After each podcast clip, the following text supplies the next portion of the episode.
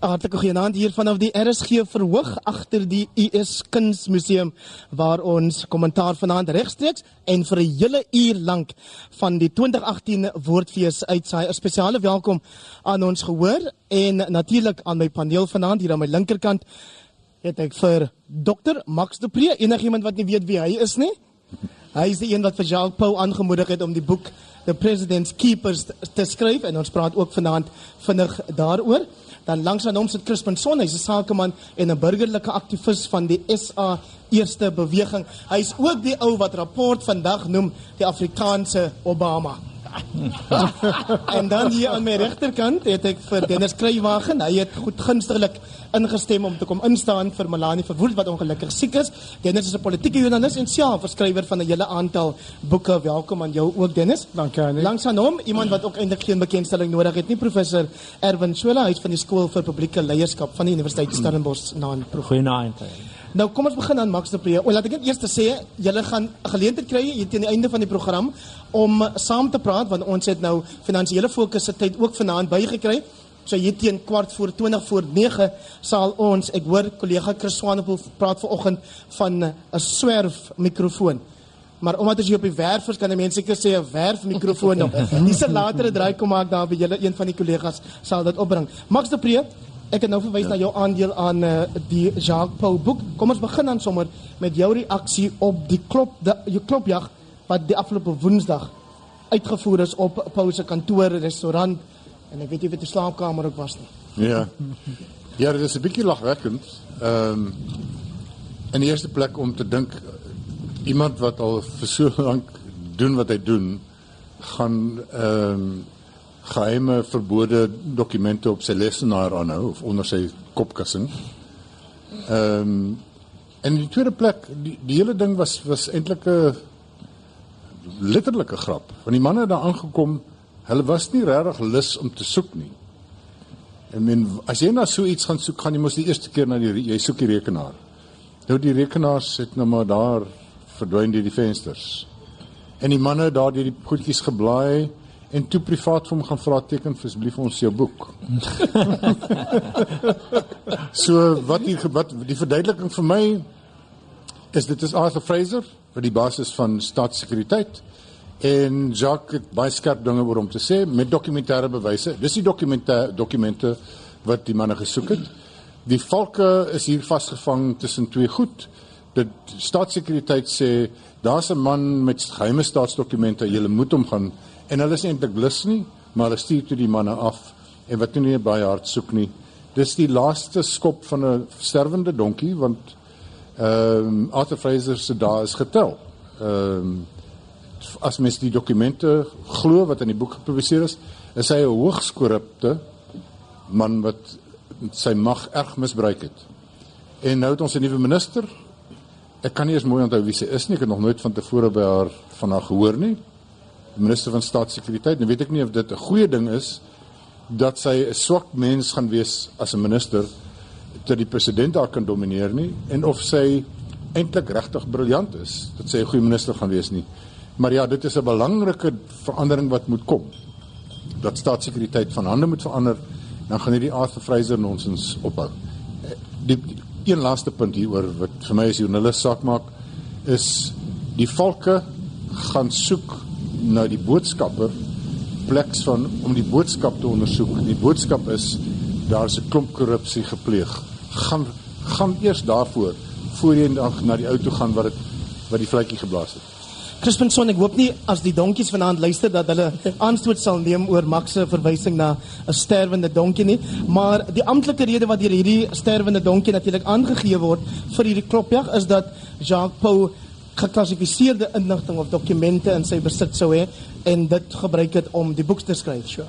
Heinrich, as ek moes uh, spekuleer, sal ek sê ek, ek ek was self geïnteresseerd om te hoor ehm um, van Jacques Pau op televisie dat dit so 'n halfhartige uh, poging was om dokumente in die hande te kry. En as ek sou spekuleer, sal ek sê dat die bureaukrasie, jy weet, is soos 'n compliance checklist. Hulle is besig met 'n ondersoek.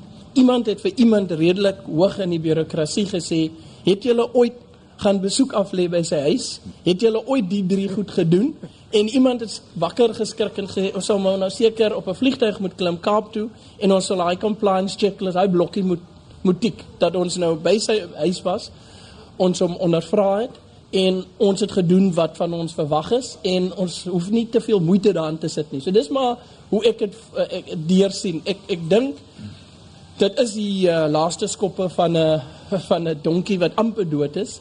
Ehm um, en ek sal ook verwag dat ons meer sulke gevalle in die volgende paar maande sal sien. Maar dit sal half hartige pogings wees, mense wat graag hulle loopbaans of hulle werk wil behou en mense wat doen wat van hulle verwag is maar op 'n baie minimale basis gaan doen wat van hulle verwag is. En dis dis maar my spekulasie wat daar gebeur het. Erwin Swela, Jacques Paul het gister hier by die woordfees gesê hy het geen dokumente in sy besit wat staatsveiligheid ingedrang kan bring nie. Is dit genoegsame rede om te sê daarom moes daar geen uh klopjag uitgevoer geword het nie?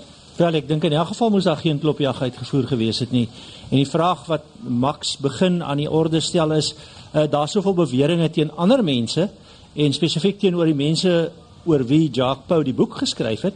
En as mense dan kyk na gelykheid voor die reg, en een of ander vorm van even-handedness, nê, gelyke behandeling, dan sal mense eintlik verwag dat die valke en die cats uh, hulle hulle hulle optrede rig om die prima facie aanduiding van onwettighede, um onregs uh, nie regsgeldige optrede en selfs misdadige optrede te ondersoek. Um ek het selfs gewonder of dit nie 'n poging is om 'n soort balans te begin skep nie om te sê wel ons gaan een of ander tyd optree teenoor hierdie ander mense en dat 'n mens dan as dit ware uh, in antisipasie van hierdie optrede sê ja maar ons het ook teenoor teenoor uh Jacques Pau opgetree want ek dink daar's 'n sterk verwagting dat ons nou een of ander tyd 'n klompie klopjagte moet sien uh by 'n paar ander plekke waar ek weet in die tussentyd die die uh die papier shredders en die uh die uh, rekenaarkundiges besig is om goed weg te vee. So hoe gouer dit kan gebeur hoe beter want daar is werklike probleme Jacques Pau dink ek doen dit ook uitstekend. Hy sê maar neem my dan hof toe. Uh ek sal te bly wees om die mense onder kruisverhoor te neem uh onder eed. Laat ons dan kyk wat daar uitkom. Dit gaan ook nie gebeur nie. Dit gaan nie gebeur nie. Jou reaksie Dennis Kruiwagen? Ag ek dink die hele uh, klopjag was belaglik. Uh ek dink nie hulle gaan vir Jacques Pau bang maak nie. Uh ek weet nie in elk geval wat hulle daar gaan doen het, Heinrich. Ehm um, en om al die pad van Johannesburg af te vlieg om 'n ou se handtekening te in sy boek te vra. Dit wys my so absurd die hele affære is. En as hulle die president daaroor wil beïndruk het, dit is 'n lelike geval. Nou van donkies na iemand wat 'n skaap genoem word, Max de Pre, dis ek self wat dit doen. Nie. Sean Abrams is besig om vas te klou in daai pos van hom. Ja, ehm um, die, die metafoor van die sterwende donkie kom weer ter sprake. nee, ek dink uh, Sean se dae is getel. Maar son gaan deur deur die soos die Engelse sê hulle hy gaan deur die emotions. Hy probeer 'n bietjie beklei. Hy weet dit sê daar is getel. Die president self het die, sy deel van die van die aansoek in die hof oor sy aanstelling teruggetrek. So son staan nou aan, alleen. Dis 'n bietjie van 'n ego ding. Ehm uh, want hy weet die die hof se beslissing gaan geld dat hy moet afgedank word. En almal skree spring op en af en sê hoekom doen Cyril dit nie nou nie? Wel, dis nie Cyril, dis nie hoe Cyril Ramaphosa goed doen nie. Hy wag en doen die goed soos die tyd wanneer die tyd ryp is. En en dis die korrekte manier om dit te doen. Ehm um, dat die die reg met sy gang loop. Wat wat is die verskil of Shaun vandag afgedank gaan word of oor 'n maand? Die feit bly staan die belangrike besluit wat hier nou ter sprake is, is moet president oud president Zuma verhoor word of nie? Daar is nie meer dit is nie meer 'n vraag nie. Hy gaan krimineel aangekla word. En dis die eenste Sean Abrams Crispinson wat sê gee my net so 'n paar dae dan sal ek 'n aankondiging maak oor of ek wel die voormalige president gaan vervolg. Ja, uh, wel ek, ek wil daar kommentaar lewer en ook die feit dat ek dink ons is as burgers baie ongeduldig dat daar 'n nuwe bedeling intree en 'n nuwe bedeling tot stand gebring word. En Shaun is een van die mense wie ons almal graag wil sien die pos verlaat en iemand anders insit. Maar ek dink soos Max gesê het, wat uh, Cyril Ramaphosa, president Ramaphosa en ek kan nie genoeg daai dit sê nie, president Ramaphosa want dit wys as 'n as 'n nuwe as 'n nuwe president um, in die in die groot stoel. Ehm um, president Ramaphosa doen nie dinge soos dit nie. Ek dink wat hy werklik doen is hy probeer seker maak dat hy al die prosesse reg volg dat hy die regte persoon op die regte manier in die regte rol kry hmm. en dat hy nie dan 'n pel ehm um, hoef te verdedig in die Hooggeregshof daarna nie. So ek dink dis die een gedeelte daarvan. En tweede ding is soos jy vra, Sean sê, "Wat gee my net 'n paar dae." Ek dink niemand wil hê dat Sean enige iets oor die aanklag teen Zuma moet doen nie. Almal wil hê dat hy moet wag sodat ons 'n nuwe persoon met geloofwaardigheid in die stoel kan kry om daai besluit te neem.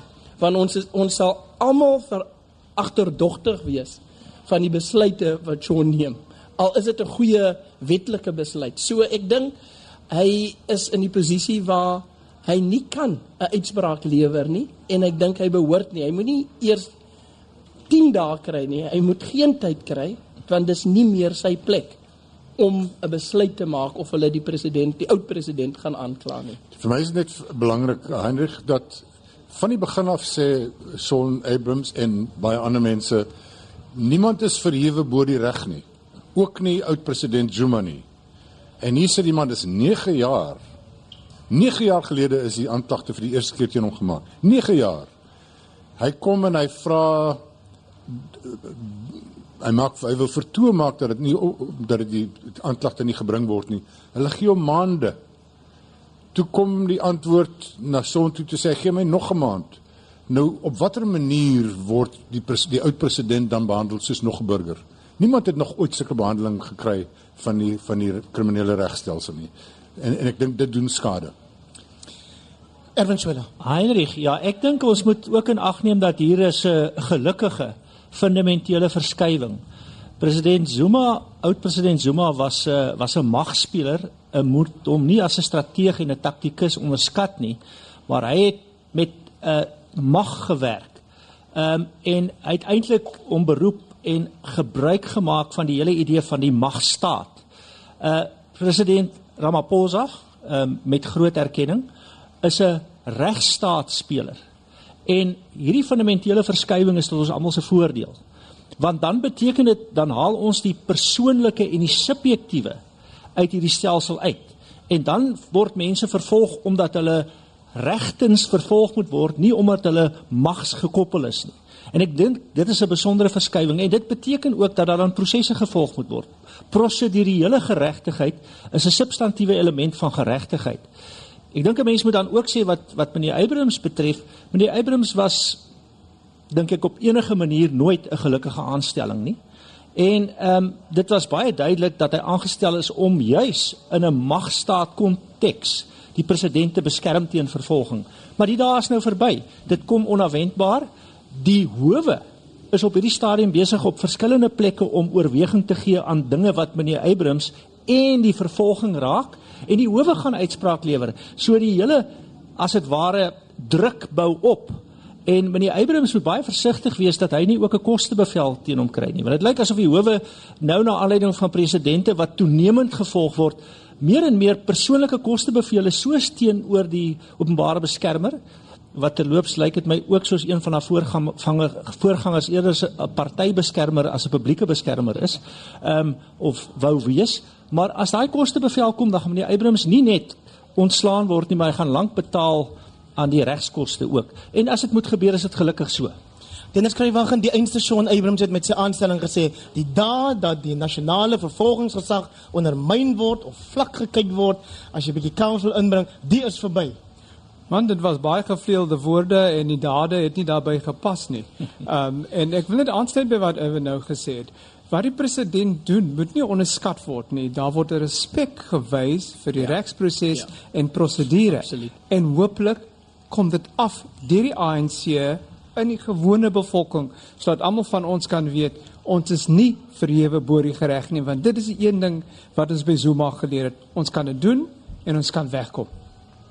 Dis die stem van Dennis Kruiwagen. Hy is vanaand deel van die kommentaarpaneel hier op die RSG verhoog by die US Woordfees 2018 en saam met hom het ons van Max de Pre, Crispinson en Erwin Swela nou van Ramaphosa gepraat. Erwin Swela. Hy het hierdie week laat aand met die mense sê wel die lang verwagte kabinetsveranderings aangekondig. Dit was 'n dramatiese oomblik omdat ons ook weet dat meneer Ramaphosa nog 'n nuwe voorbeeld stel en dit is dat uh staatsaangeleenthede en ook partyaangeleenthede blykbaar in die toekoms betyd sal begin. En dit is op sigself al 'n goeie nuus. Ehm um, en dis 'n ander ding van respek vir mense. Ons onthou dat uh, oud-president Mandela het altyd gesê hy begin sy vergaderings betyds want dit is 'n 'n 'n betoning van respek aan mense en ek dink ons moet daai respek vir mekaar ook weer terugkry. Nou die laat aand uh aankondiging is ook 'n paar keer uitgestel en dis natuurlik betekenisvol. Dit het beteken dat meneer Ramaphosa waarskynlik nog steeds in onderhandelinge betrokke was, dat hy eintlik en dis 'n aanduiding daarvan dat hy 'n 'n klomp kompromieë moes aangaan en dit kan 'n mens dan ook sien in die in die samestelling van die kabinet. Daar's bepaald mense wat hy op ander maniere geakkommodeer het as wat hy waarskynlik sou wou.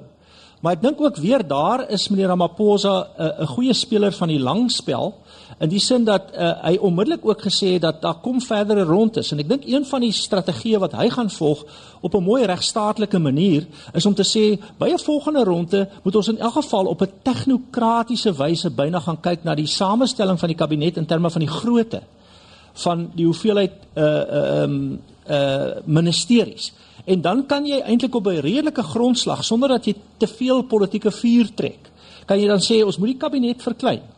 Uh dit is 'n uiters lomp en ongekoördineerde kabinet. Ons het ook gesien hoe staatskommunikasie in die verlede totaal uh uitmekaar geloop het. So daar moet 'n kleiner kabinet wees en dan kan jy op 'n byna tegnokratiese manier die politieke uh bedoelings wat jy het en moet hê ook 'n bietjie versag. So ek dink dit was die rede vir die laat aand aankondiging en persoonlik moet ek sê dink ek het hy so ver gekom as wat hy kon sonder om sy steen te verloor want hy kan nie die steen heeltemal verloor nie dan is hy in dieselfde posisie dat hy mettertyd deur die party verwerp word. So die kompromie dink ek moet ons aanvaar en ek dink daar's ook 'n klomp uiters goeie aanstellings gemaak waaroor ons besonder bly kan wees waar hy baie simbolies opgetree het as jy dink dat hy meneer Nene terugbring um, en meneer Gordon terugbring onder andere.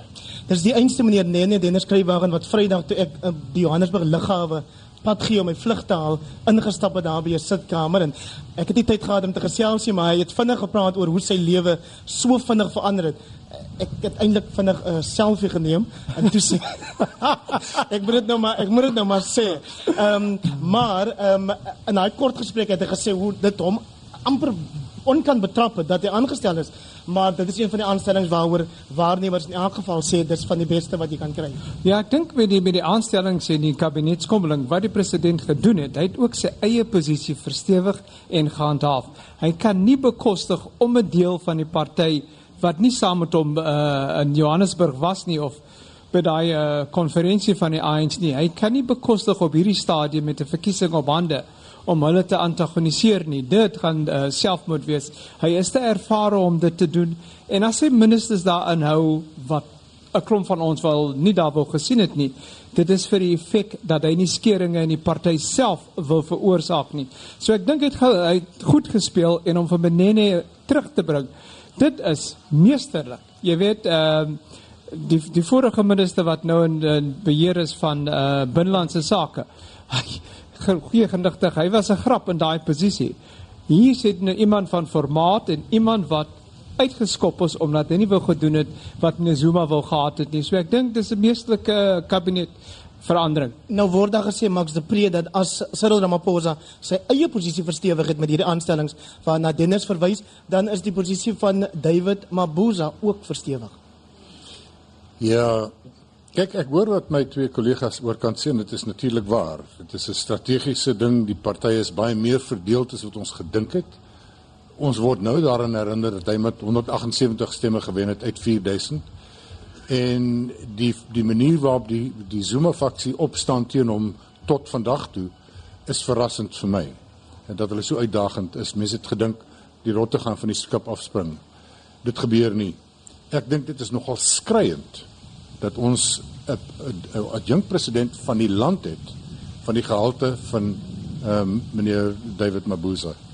Ehm um, sy reputasie is een dat hy 'n fundamentele korrupte mens is, dat hy geweld gebruik uh om sy eie politiek te, te bevorder. En dit sê sy sy ou, ou vriend Matthew Poza in die openbaar. So menere, julle wat praat van ons moet vir Cyril mooi verstaan, moet ons nie daarom ook dan sê dis 'n duidelike voorbeeld waar Cyril Ramaphosa die ANC voor die land se belang gestel het nie. Dalk kan ons sê hy het nie 'n keuse gehad nie, maar ons moet dit ten minste vir mekaar sê. Met hierdie kabinet het Cyril Ramaphosa ANC besluite geneem, nie besluite in in die belang van die land nie. Ons sit daar met 'n minister ehm um, Nomvula Mokonyane wat Skopa uh, die die die parlement se se komitee het nou gesê maar sy het water sake bankrot gemaak en sy behoort nie 'n minister te wees nie. Sy's pas weer aangestel. Batabili Dlamini, die hoof drie howe het al vir haar gesê sy haar haar bevoegdheid be, bevraagteken. Ons weet sy het al in 'n speletjies gesien. Sy het weer 'n uh, joppie gekry. So ons sit met Batabili Dlamini, Nomvula Mokonyane en David Mabuza wat nie in 'n selfrespekterende land se kabinet hoort nie. En die boodskap uiteindelik is die ANC is meer verdeeld steeds as wat ons gedink het. Christensen, maar nou is dit so dat David Mabuza sekerlik kan sê soos wat Jacob Zuma tot op die laaste gesê het, geen hof het my nog skuldig bevind aan enige van die goeders wat Max de Pre en sy makkers oor my sê nie. Wel, ek ek hoop hy, hy gaan sy dag kry, maar ek dink die ding wat vir my tref en ek dink uh, Max het dit nou genoem, en vanmiddag by middagete het iemand my weer herinner dat president Ramaphosa maar met 179 stemme uit 4000 kongresgangers ehm um, sy pos gekry het. Dit beteken daar's net soveel mense wat aan hom teen vir hom teenkanting bied as die wat vir hom ondersteun. So daar is verdeeldheid binne die ANC. Dit beteken dat die party kabinet wat hy saamgestel het, een van kompromie is te geweldige kompromie. Maar ek dink ook ons moet net kyk na die man. Hy is 'n langtermynspeler. Jy weet Julius Malema laat dit as 'n slegte ding klink as hy sê die president het sy sy beurt afgewag. Ek dink dis dis dit gee ons 'n 'n goeie insig oor die persoon. Hy het sy tyd afgewag. Hy wil 'n 11 jaar termyn dien. Hy moet nou in 2019 moet hy na die na die na die kiesers toe gaan om 'n vars mandaat te kry. En al wat hy kan doen is hy moet 'n hy moet 'n sterker mandaat kry in 2019 om al hierdie goed weer te probeer op die regte pad bring. So ek ons ek dink wat ons van as as ek hoor van Batabili Dlamini natuurlik as ek geskok oor haar aanstelling. Maar dan sien ek daar's mos 'n lekker Engelse gesegde. Keep your friends close but your enemies closer. Hulle is aangestel in die presidentskap Ek kan net verwag dat as hy die integriteit en die geloofwaardigheid van die staatsinstellings weer implementeer, die normale proses moet daai mense uh uh, uh sal vir hulle sal uitsort. So my gevoel is ek dink hy kyk na 'n langer spel. Dis nie die spel wat ons as burgers wat ongeduldig is vir verandering wil hê nie, maar hy kyk na die 2019 verkiesing, hy kyk na 'n vars mandaat en hy sê oké, okay, vir nou moet ek 'n paar kompromieë maak. En ek dink David Mabuza is een van hulle. Die tweede ding wat ons ook vergeet is en ek ek ek, ek hoor dit maar nou al al hoe meer dat ehm um, David Mabuza 'n meesterskaakspeler is. Dis wat ek maar nou die die gerugte hoor. Dis ook wat wat nog wat jy Zuma gesê het. ja. En ek hoor hy is 'n strateeg.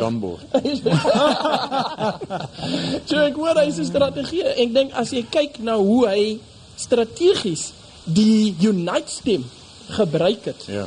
In Mpumalanga waar hy net mense uit die faksies uitbeweeg het om om Nkosazana se posisie swakker te maak en in Cyril Ramaphosa se guns te tel, dink ek dit is ook iets wat ons nie moet onderskat nie. So jy weet daar is al hierdie gerugte oor uh, Mabuza.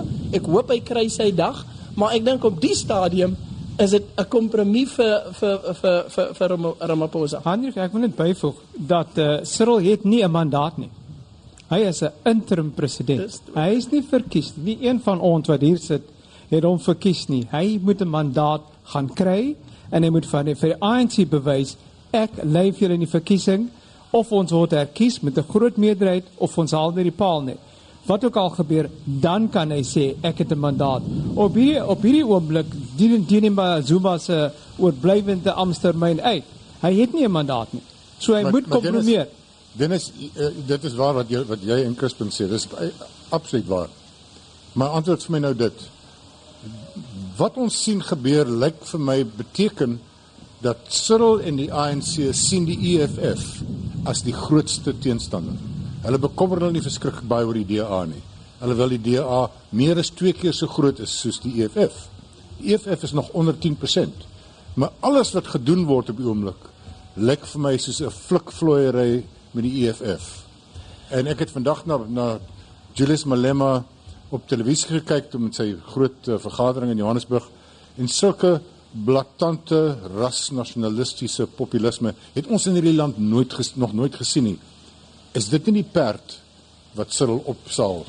Daai vraag het ek nou vir julle al vier vra as ek net 'n laaste woord oor die kabinetsverandering Erwin Swela kan kry van jou af. Bekkie Cele is nou die nuwe minister van polisie. Tog was meneer bang vir niks om dit nou sagkens te vertaal. Baie gewild onder mense en luisteraars van hierdie program byvoorbeeld. Ja. 'n Mens moet nou sê dat uh, om die Suid-Afrikaanse Polisie Diens te regeer en bestuur is nie 'n maklike taak nie. Dis 'n organisasie met 'n baie besondere kultuur en ethos en ons weet dat uh, dit het 'n sterk macho uh 'n imago, nee, 'n soort van 'n beeld. Hmm. En uh, ons weet dat onder daai geleedere en onder mense wat wat kyk na die die metafoor van die oorlog teen misdaad is mense soos meneer Mbalula en meneer Chele gewild. Um, ek het geluister in die week na 'n kommentator in wie ek heelwat vertrou het, Johan Burger van die ESS, en dit is so dat meneer Chele het 'n klompie geraamtes in die kas, maar terselfdertyd dink ek is hy iemand wat met die polisie kan kommunikeer. As jy daar iemand kry wat nie op een of ander manier die geleedere van die polisie kan mobiliseer nie, dan het jy 'n probleem en die geleedere van die polisie mobiliseer nie lyk dit my met sagte handskoene nie. So ehm um, en meneer Chele weer eens kan jy sê daar was sprake van 'n uh, probleme rondom 'n huurooreenkoms, maar daar was ook nooit 'n skuldige bevinding daar nie. Ek dink dit is ook 'n soort gemengde beeld. Ehm um, ek dink daar is beter, maar onder die omstandighede dink ek is dit die beste wat ons kon doen. Ons kon in elk geval nie met meneer Balula aangaan. Professor Erwin Swela is vanaand deel van ons kommentaarpaneel hier by die US Woordfees. Sy gespreksgenote is Max de Pre, Chris Crispinson en Dennis Kruiwagen. As jy môreoggend inskakel op Monitor sal jy 'n gesprek hoor oor die landbou of die gronddebat wat 'n klomp mense tans warm onder die kraag het. Ons het vir professor Johan Kirsten genooi van Nousie Pieterse wat 'n landbouaktivis is en Annelies Crosby van Agri SA, maar dis ook vanaand op ons sakelys en ek gaan nou terugkom na jou toe Max de Pre. Jy het dan 'n kwessie geraak wat vir mense die verpersoonliking is van hierdie flik vloeiery tussen die EFF en die ANC. Is dit 'n saak wat die ANC of die EFF dien? Kyk, ons sal nou moet sien hoe die ding ontplooi. Wat ons vandag kan sê is dat niks het verander sedert die 28ste Februarie 2017 toe die ANC na die parlement toe gegaan het om 'n EFF mosie oor grondonteiening teen te staan nie. Alles wat hulle toe gesê het uh, en ek dink hulle hoofspreker was die kommuniste party wat verduidelik het is die probleem is nie die grondwet nie, die probleem is die staat se kapasiteit en die feit dat die regering nooit die politieke gewil gehad het om die grondwet te toets nie. Niks het daaraan verander nie. So waar skielik kom ons nou uh, met hierdie drama van van grondonteiening? As ons klaar die die gereedskap het.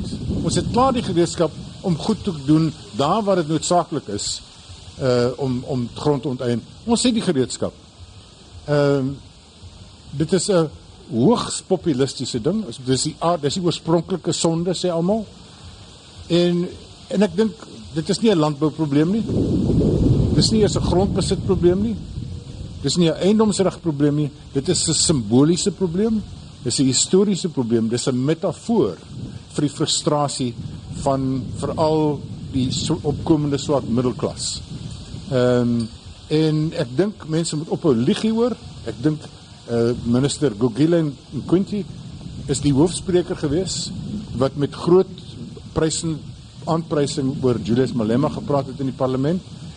Maar hy is die blikskottel wat ons moet blameer vir die swak uh, vordering, want hy is die minister gewees. Hy spandeer sy geld aan aan wat hy aan aan grondhervorming moes spandeer het, het in die laaste jaar aan, aan ander projekte spandeer in sy departement. So hy is die ou wat die skuld moet dra en hier kom hy en en wat hulle almal doen, Julius ook vandag sê maar is omdat ons nie grond het nie dat ons arm is en ons gaan nou die grond terugkry en dan gaan ons almal ryk wees.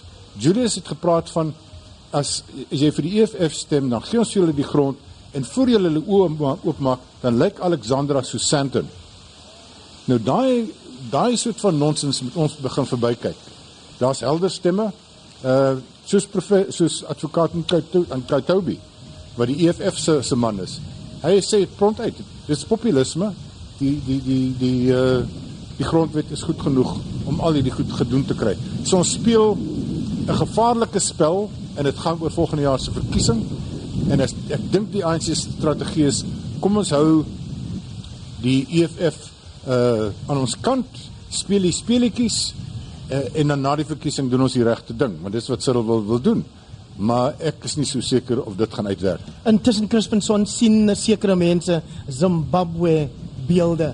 Is dit bangmaak stories? Ek, ek ek wil ek wil met Max saamstem op een ding en ek ek stem nie saam met hom op die tweede punt wat hy gemaak het nie. So kom ons hanteer die, die Zimbabwe se dis bangmaak stories in my my uh my gevoel. En maar met die beperkte kennis van die wet laat ek jou sê hoe ek die ding sien. Ek dink waar waar ek met Max saamstem, ek sal 30% toeskryf aan die sentiment wat aan die grond wat in die grond dis dis dis dis emosie gedrewe, dis sentimenteel en dis simbolies baie belangrik. You cannot have justice without a level of compensation and remorse. So as ek dit nou in Engels kan stel. Maar kom ek sê vir jou wat gebeur soos met met, met beperkte kennis oor die wette wat dit betref. In 23 jaar het Gugile en Quinty ook gesê het ons baie min vordering gemaak op grond. En die rede da, daarvoor is dat wit hoofsaaklik wit grondeienaars in in in in in groot grondeienaars het die mag gehad in die onderhandelingsproses. So wat gebeur is daar's 'n onderhandelingsproses wat aangaan. Dan kom hulle by die die kardinale punt van prys en vergoeding. Dan sê hulle dis nie vir onaanvaarbaar nie. Dan word dit van die tafel afgehaal en gehaal en dit moet hulle die proses weer oorbegin. Hoekom het die ANC dit toegelaat? So want hulle wou dit doen binne die perke van die grondwet en van hierdie proses van nasiebou is my gevoel. Ek dis maar my gevoel. Kom ek sê weer die twee wat nou gebeur. Wat ek dink nou gebeur is dit skuif die die die die magsbasis na die persoon die land claimant. Want nou word die gesprek soos ek nou die veranderings uh, verstaan gaan die gesprek so. Ons het 'n regtelike eis op daai grond. Ons onderhandel met jou om daai grond terug te kry. Maar as ons nie deur hierdie proses vat eh, gaan en ons kan nie 'n prys beding kry ons daai grond terug sonder vergoeding. Onmiddellik skuif dit die magsbasis in die gesprek van 'n wit grondeienaar na die grondeiser toe. En dit ek dink is simboliek, simbolies baie belangrik. Die tweede ding is daar is 'n hele klomp ehm um, ander goed wat ook in oorweging moet neem wanneer die debat plaasvind. Daar is nou soort van perke oor um, 'n uh, voedselsekuriteit. Daar is perke van hoeveel grond een persoon kan besit. Is dit vir 'n gemeenskap is vir dit is dit vir 'n een persoon. So daar is nog 'n hele klomp goed wat moet uitgestryk word. Dit so dis hoekom ek sê die Zimbabwe storie is totaal DA onsin waar hulle uitgaan om te sê ons ons uh, ons ons ons loop nou in die voetspore van Zimbabwe. Behalwe Crispin Sonne dat selfs die gerespekteerde Bani Mtomboti in die Sunday Times vandag skryf Erwin Chwela hierdie ding wat nou aan die kom is of waaroor gepraat word is wat hy noem in Engels jungle justice en dat die ANC ons hier op Zimbabwe pad. So dit is nie net die DA wat dit sê nie. dit gaan uh, natuurlik nie net oor grond nie, dit gaan oor eienoomsreg, dit gaan oor ander kommersiële instellings, dit gaan oor 'n hele aantal ekonomiese uh en sosiale en politieke instellings. Wat ek daarmee bedoel is, is as jy in die grondverhouding begin 'n karring, dan karring jy ook aan die banksektor. Dan karring jy aan die hele finansieringsstelsel. En die belangrike ding is, is as jy ver te ver op daai pad gaan, dan ondergrawe jy eintlik die institusionele grondslag waarop 'n moderne staat gebou is. En dit het ernstige implikasies. Net Max, wat ek dink tog wel gebeur het en jy kan my reghelp is dat by die by die ANC se verkiesingskonferensie nou is daar 'n nuwe uh as dit ware agendapunt en 'n uh, en 'n standpunt ingeneem oor grond. So iets het tog wel verander. Ja. Ehm uh, en, en en dit is die ANC wat dan daai standpunt ingeneem het. Ja. Laat ek net ook dit sê, ek sien nie dat hierdie proses maklik gaan plaasvind nie. Om hierdie grondwet op daai punte verander is baie moeilik. En ek wil nou nie in te veel tegniese detail ingaan nie, maar dit gaan uiteindelik na 'n toets by die grondwet hof toe. En dan gaan daar nog 'n klomp goed daarna ook gebeur. Wat wel waar is, is dat ons 'n meer effektiewe grondhervormingsstelsel nodig. Ehm um, en dis jammer dat dit nou vir gepopulariseer geword, wel nie gepopulariseer nie, maar dat dit nou populisties geword het, want ek dink dit skep 'n ander dinamika.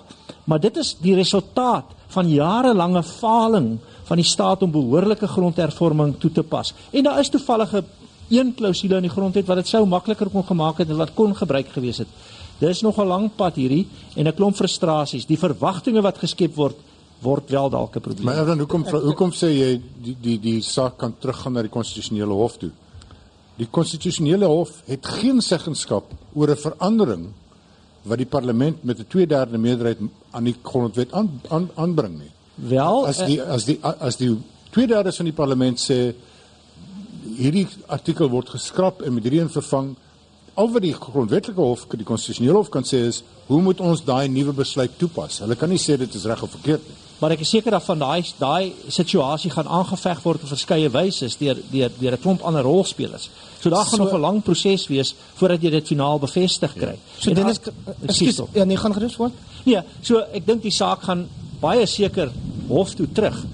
En dan moet 'n mens maar kyk wat gebeur. Intussen mag die houdinge versag en mag ander goed gebeur, maar waaroor ek wel bekommerd is, is dat hierdie debat skep 'n klomp verwagtinge wat moeilik gerealiseer gaan word in elk geval. Kom ons gestel nou maar ons sal vir elke persoon wat 'n aanspraak het op 'n stukkie grond grond gee. Hoeveel bly dan oor? Is ons 44 miljoen Suid-Afrikaners minus 4 miljoen? Dat ons 40 miljoen Ja, maar maar ek wil net ek jammer, ek weet jy wil Dennis, maar ek net een ding sê en ek hier wil ek inbreek en sê dit gaan nie net oor landbougrond nie. As jy kyk na wat groepsgebiede gedoen het. Groepsgebiede het mense onteien van grond wat later in hulle lewe dan moes lenings aangaan. So kom ons kyk net wat in die Suid-Afrikaanse ekonomie vandag plaasvind. Mense moes lenings aangaan sonder sekuriteit omdat hulle nie die grond tot hulle beskikking gehad het as, as sekuriteit nie. So onheidiglik kyk na wie die mense is van wie ons skuld invorder. Hulle is hoofsaaklik swart Hulle is hoofsaaklik onder middelklas en hulle betaal nie 26% rente nie. Hulle betaal as jy na al die fooie kyk 84% rente as gevolg van dat hulle nie grondsekuriteit het nie. En dit gebeur nie af, die afgelope 10 jaar nie. Dit gebeur die afgelope 50 jaar. So as ek as jy sien die totstandkoming van banke, nuwe banke en ou banke, het 'n groot gedeelte van hulle wins gekom uit die feit dat mense nie sekuriteit en dit later begin unsecured loans gee.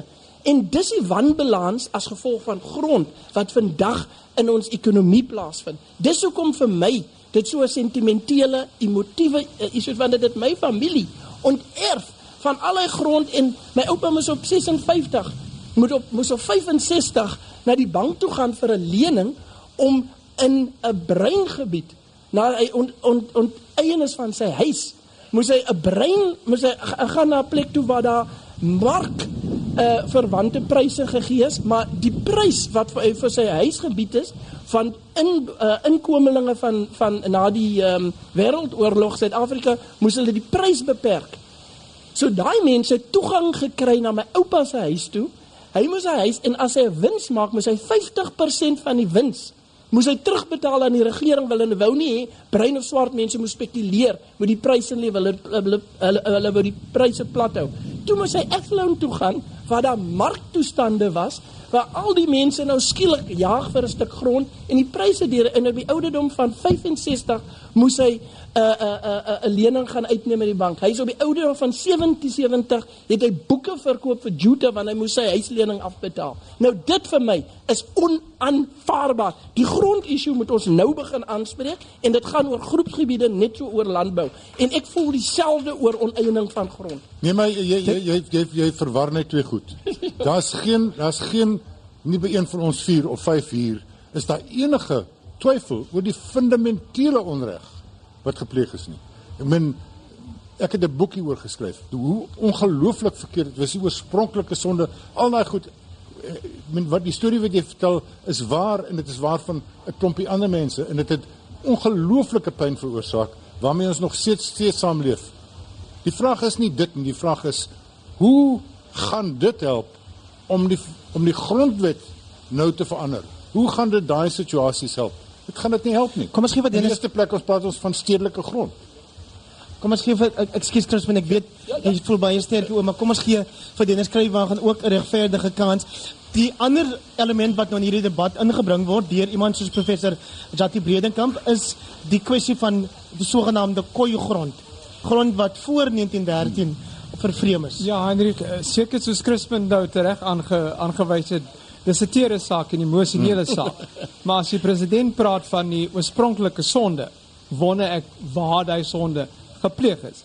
Want as jy in my kant staan, dan sê jy is jou deel van die land onder okkupasie en deur wie is dit onder okkupasie? Miskien moet ons na daai eh, deel gaan kyk en sê aan wie het die land oorspronklik verloor en aan behoort en aan wie moet die land teruggaan? Ehm um, dit is daai goed wat men gaan jy as jy gaan grawe om iets te gaan soek moet jy gaan daar waar dit begin het. Nie halfpad wat wat ons nou daar wil gaan nie. Ek wil dit aansluit by wat Max gepraat het oor Julius. Ek dink die ANC is besig met 'n gevaarlike spel om by met Julius te flankeer. Julius het gewys wat hy nou met die DA gedoen het. Hy het hulle ingetrek, hulle in beheer geplaas van 'n paar metros en nou sê hy met sy afpersery, julle het nie gedoen wat ek wou gehad het julle moes doen nie. Nou straf ek vir julle, ek gaan vir Ethel trolle blik. En dan sê hy soos 'n ou wat nou baie ehm um, res, uh, respectable is, en hy sê vir die ANC, maar as julle nou 'n goeie ou bring, dan ondersteun ons vir hom as burgemeester. Wat Julius eintlik sê is, kom in, kom dans met my, word my gevangene, dan skop ek jou onder jou stert wanneer dit my pas. Ek dink Julius moet aangekla word vir haatspraak. Dit wat hy vanmiddag gesê het, is haatspraak en dis ontoelaatbaar. En ons het dubbele standaarde. As iemand wat wit is dit gesê het, dan was hy God gaar. Sê net terwille van die luisteraars Ja. wat hy wat hy gesê het Dennis. Hy het hy het vanmiddag gesê by 'n uh, vergadering van sy organisasie, hulle gaan vir die wit mense, hulle gaan hulle kele afsny. En dit is heeltemal onaanvaarbaar. Ja. Miskien Nou- net 'n by Ja, een een verdere punt. Ek dink ons dink almekaar binne die huidige paradigma. Ek dink ons sal regtig moet gaan kyk na totaal nuwe be benaderings onafhanklik of saam met die grondwet. Ons het te ver gekorporatiseer en te min gekooperatifiseer. Moet ons nie gaan kyk na nuwe grondeienaarspatrone binne koöperasies. As ons kyk wat die Duitsers na die Tweede Wêreldoorlog gedoen het. Die goed wat ek probeer doen hier in my in my in my leerstoel en rondom sosiale innovasie. Ons het nuwe regeermodelle nodig. Ons het nuwe ekonomiese modelle nodig. En dis die innovasie waarna ons moet gaan soek. Hoekom hoekom is distrik 6 nog sit lê nog daar Ja, absoluut. soos 'n wond? Ja. Wie se skuld is dit? Dis nie die grondwet se skuld nie. Dis die regering se skuld wat niks Absoluut. daaraan wil doen nie. So ek neem aan julle ondersteun dan uh, die president se voorneme om 'n klompie berade te hou, een waarvan Ja. sal wees om oor hierdie baie emotiewe Ja. saak te Maar praat. absoluut en ek, ek wil dit ook sê en as 'n lid van daai gemeenskap, die sakegemeenskap moet toetree tot daai gesprek. En ek sal jou sê ons het van die bes, mees innoverendste mense in hierdie land. Ons bankwese is deurlopend beskou as een van die top 3 wêreldwyd. Ons het in- innoverende produkte, ons het innoverende maniere om na finansiering te uitwerk. Hoekom pas ons dit nie toe in 'n heel ander manier hier nie? Maar ek sal jou sê hoekom. Ek gaan die aanklag hier vanaand maak.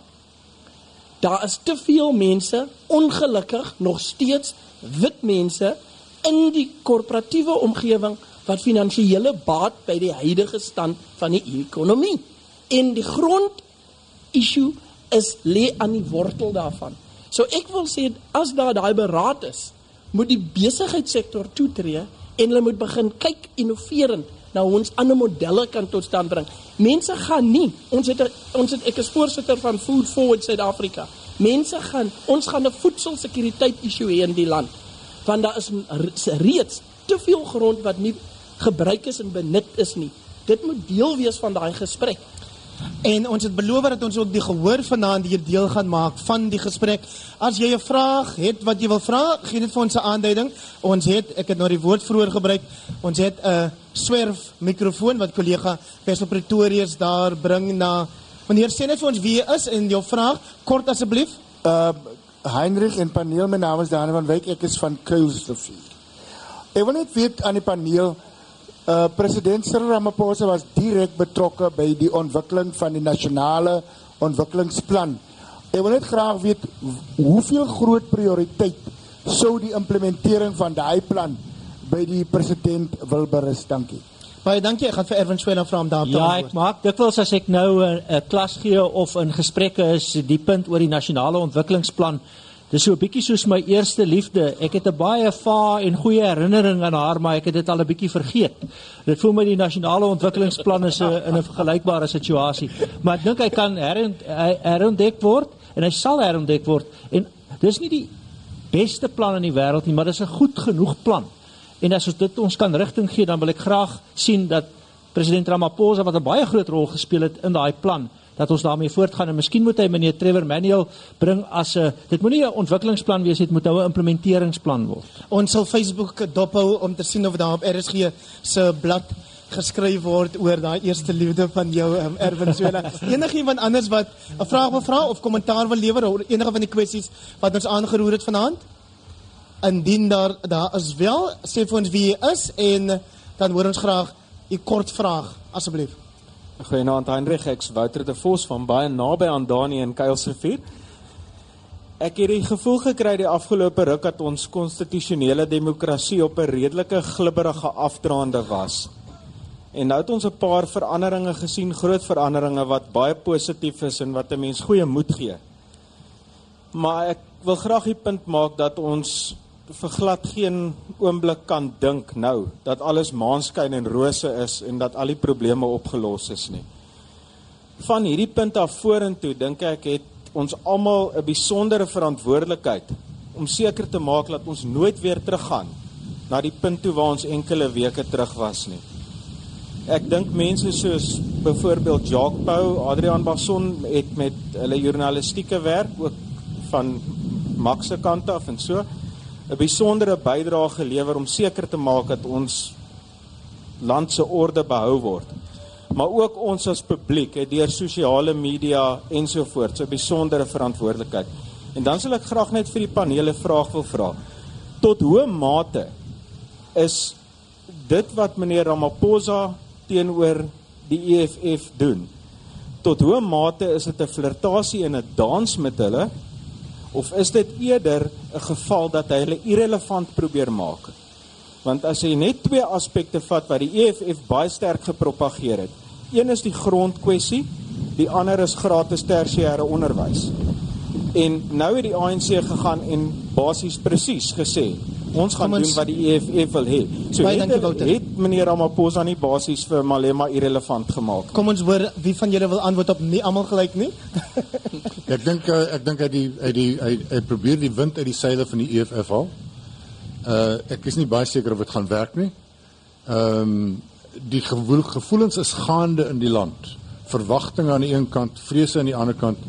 Uh deur hierdie hele proses van flikvloei met die EFF en dit moet aangespreek word.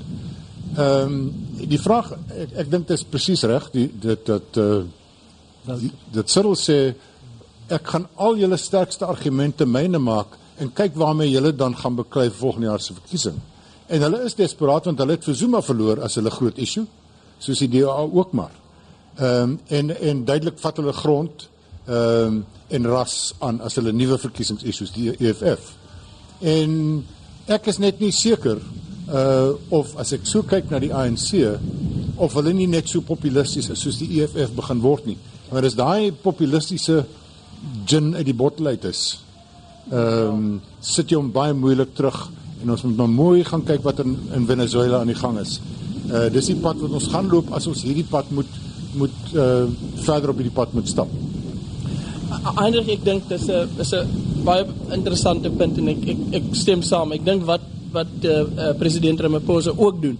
As hy sê man, julle praat oor goed wat in elk geval lank gelede ANC beleid is. Ons moet dit net beter kan uitvoer en ons moet bietjie dan dink. So ek dink hy maak hom heeltemal irrelevant nie, maar hy sê man, you you preaching to the converted. Dis die een ding wat doen. Die tweede ding wat my getref het is ek het gesien hoe reageer die EFF in subkomitee of komitee vergaderings van parlement. Dis heel anders as hoe hulle optree as hulle op 'n nasionale verhoog staan. En hulle is hulle hulle hulle hulle besef skielik, daar moet hulle redeneer. Hulle moet onderhandel om goed deur te voer. So ek dink daar's baie populistiese beweging van Julius Malema se kant. Ek dink ook dat wat president Ramaphosa besef is vir die 2019 kiesing hy 'n groot 'n groot werk vir hom voor, voor is uh, lê om die jeug te kan oortuig dat hy uh, want die ANC jeugliga het hom het het hulle self uh uh, uh keel afgesny. Ek, ek dink Hendrik die grootste verhoog vir enige party op hierdie oomblik is die parlement. Ek hoor wat Crispin sê oor die komitees, maar dis die nasionale vergadering. En dit is waar die EFF vir Cyril Pak en Cyril moet antwoord en dit is waar die ding gedryf word en daar kan jy sien die verdeeldheid van die ANC wat daar deurkom en hulle word op hierdie oomblik hardloop hulle agter die EFF aan en die EFF op hierdie uh uh oomblik in die parlement gee die pas aan as Julius stil sit so. en Julius sê ons gaan vir die president 'n kans gee dis ek wil nie vloek nie maar dis verwant om om dit te sê jy weet hy gee vir die president 'n kans wie is hy dis op by tyd dat die president ja. en sy party optree soos die regerende party. En waar land dan ek gou ek moet hier inkom. Ek sal nou verwag van die president as 'n nasionale leier en my president, die land se president, dat hy nou op een of ander stadium 'n baie sterk simboliese uitspraak maak en sy ministers dit ook begin doen teen hierdie uiters rassistiese en ongebreidelde rassistiese uitsprake van meneer Malema ja. en sy groeperinge. Dan sal hy vir my wys dat ja, die grond is een kwessie en uh um gratis uh, uh tersiêre onderrig, maar sê dan nou vir ons almal dat ons is la landsburgers en ons ons word almal hier gewaardeer. Ek verwag daai uitspraak en hoe gouer hy kan kom hoe, hoe beter. Ek stem. Ja, ja, hy is, uh, uh, jy kan nie praat van nie rassissigheid, uh non-racialism en die een nou kom voortdurend weg daarmee nie. Ag nee, dan win jy jou ernstig op. As daar nog enige iemand wat 'n uh, vraag wil vra of kommentaar wil lewer in die gehoor, Ek sien nie enige hande op die stadium nie. So kom ek vra dan Max de Pre, wat kan die publiek doen? Wat kan luisteraars van hierdie program doen wanneer hulle hoor Julius Malema maak die soort uitsprake waarna jy van vroeg in die program reeds na verwys het? Ja, dit is dit is 'n kritieke vraag. Wat wat moet veral as jy wit is soos ek? Wat moet jy doen? Is jy? ja, ek het te lank in die son gelê, het uitgeblyk. Nee, die, dit is 'n baie goeie vraag. Wat doen jy? Moet jy nou gespierde kragdadige reaksie het soos Afriforum en ons weet wat 'n teenreaksie dit kry of moet jy meer diploma ek dink in die eerste plek moet ons so 'n bietjie uh, asemhaal terugstaan vra waar dit vandaan kom sien wat dit beteken ehm um, en nie ooreageer nie want dan maak ons die probleem erger. Maar dit is 'n is 'n probleem waarmee die minderhede in hierdie land moet worstel is hoe gaan ons reageer op hierdie populisme en dit is nie net wit nie. Uh, Julius het hierdie week afgegaan oor Chinese en Indiërs wat erger is as wit is. Want hulle is nog erger rassisties, want hulle probeer soos wit wees, maar dit is te sleg om wit te wees. Jy weet daai soort van praatjies. Uh ek dink as jy in die minderhede is, moet jy maar probeer rustig wees en dan moet politieke partye en maatskaplike en godsdienstige leiers moet op 'n rustige manier hierdie probleem aanspreek. Ons kan nie net niks doen nie maar as kan ook nie terugskree nie. Geld dit vir jou ook Christmanson wat bietjie bruiner is ja. as Max. ek weet nie ek ek ken Max aard. Ehm um, laat ek laat ek dit vir jou sê. Ehm um, jy weet ons was ek ek was 'n lid en ek steeds 'n lid van 'n siviele uh, civil society organisasie in ehm um, South Africa First Forum en Zuma het ons die geleentheid gegee om by mekaar te kom en sê ons kan nie net op Facebook sit nie, ons moet nou begin praat. En ek dink skielik is hy nou nie meer daar nie. En nou het ons president Ramaphosa, ek dink wat ons kan doen is ons moet nou weer begin praat en hoe lyk ons het amper, ons is amper weer by 1995 uh uh ehm um, uh tydperk waar ons moet begin praat van die samelewing wat ons wil hê. Hoe lyk daai samelewing? En ons kan nie weet ons was die dag van ehm um, van uh, president Ramaphosa se aanstellingspresident was ek met 'n paar mense buitekant die parlement met 'n plakkaat optog. En ons gesê we never giving them a blank check again. Ons kan nie weer vir hulle 'n blank check gee nie. Kyk waar dit ons gebring. So die samelewing moet nou moet nou opstaan. Ons moet in groepe begin gesels. Ons moet toenadering soek en moet sê, "Right, hoe lyk daai samelewing? Hoe spreek ons die harde issues aan? Hoe maak ons Pandora se boksie oop? Doelbewus en hoe hanteer ons dit? Dis wat ek dink ons moet begin want dan begin ons die politici leiding gee, nie die leiding wat ons net van hulle verwag nie. Nou julle sal nie glo nie dat die ekstra 20 minute wat ons vir vanaand se program gehad het, dis byna verstreke. So ek gaan vir jou vra om te begin Erwin Swela. Wat lê voor in die komende week vir Suid-Afrika?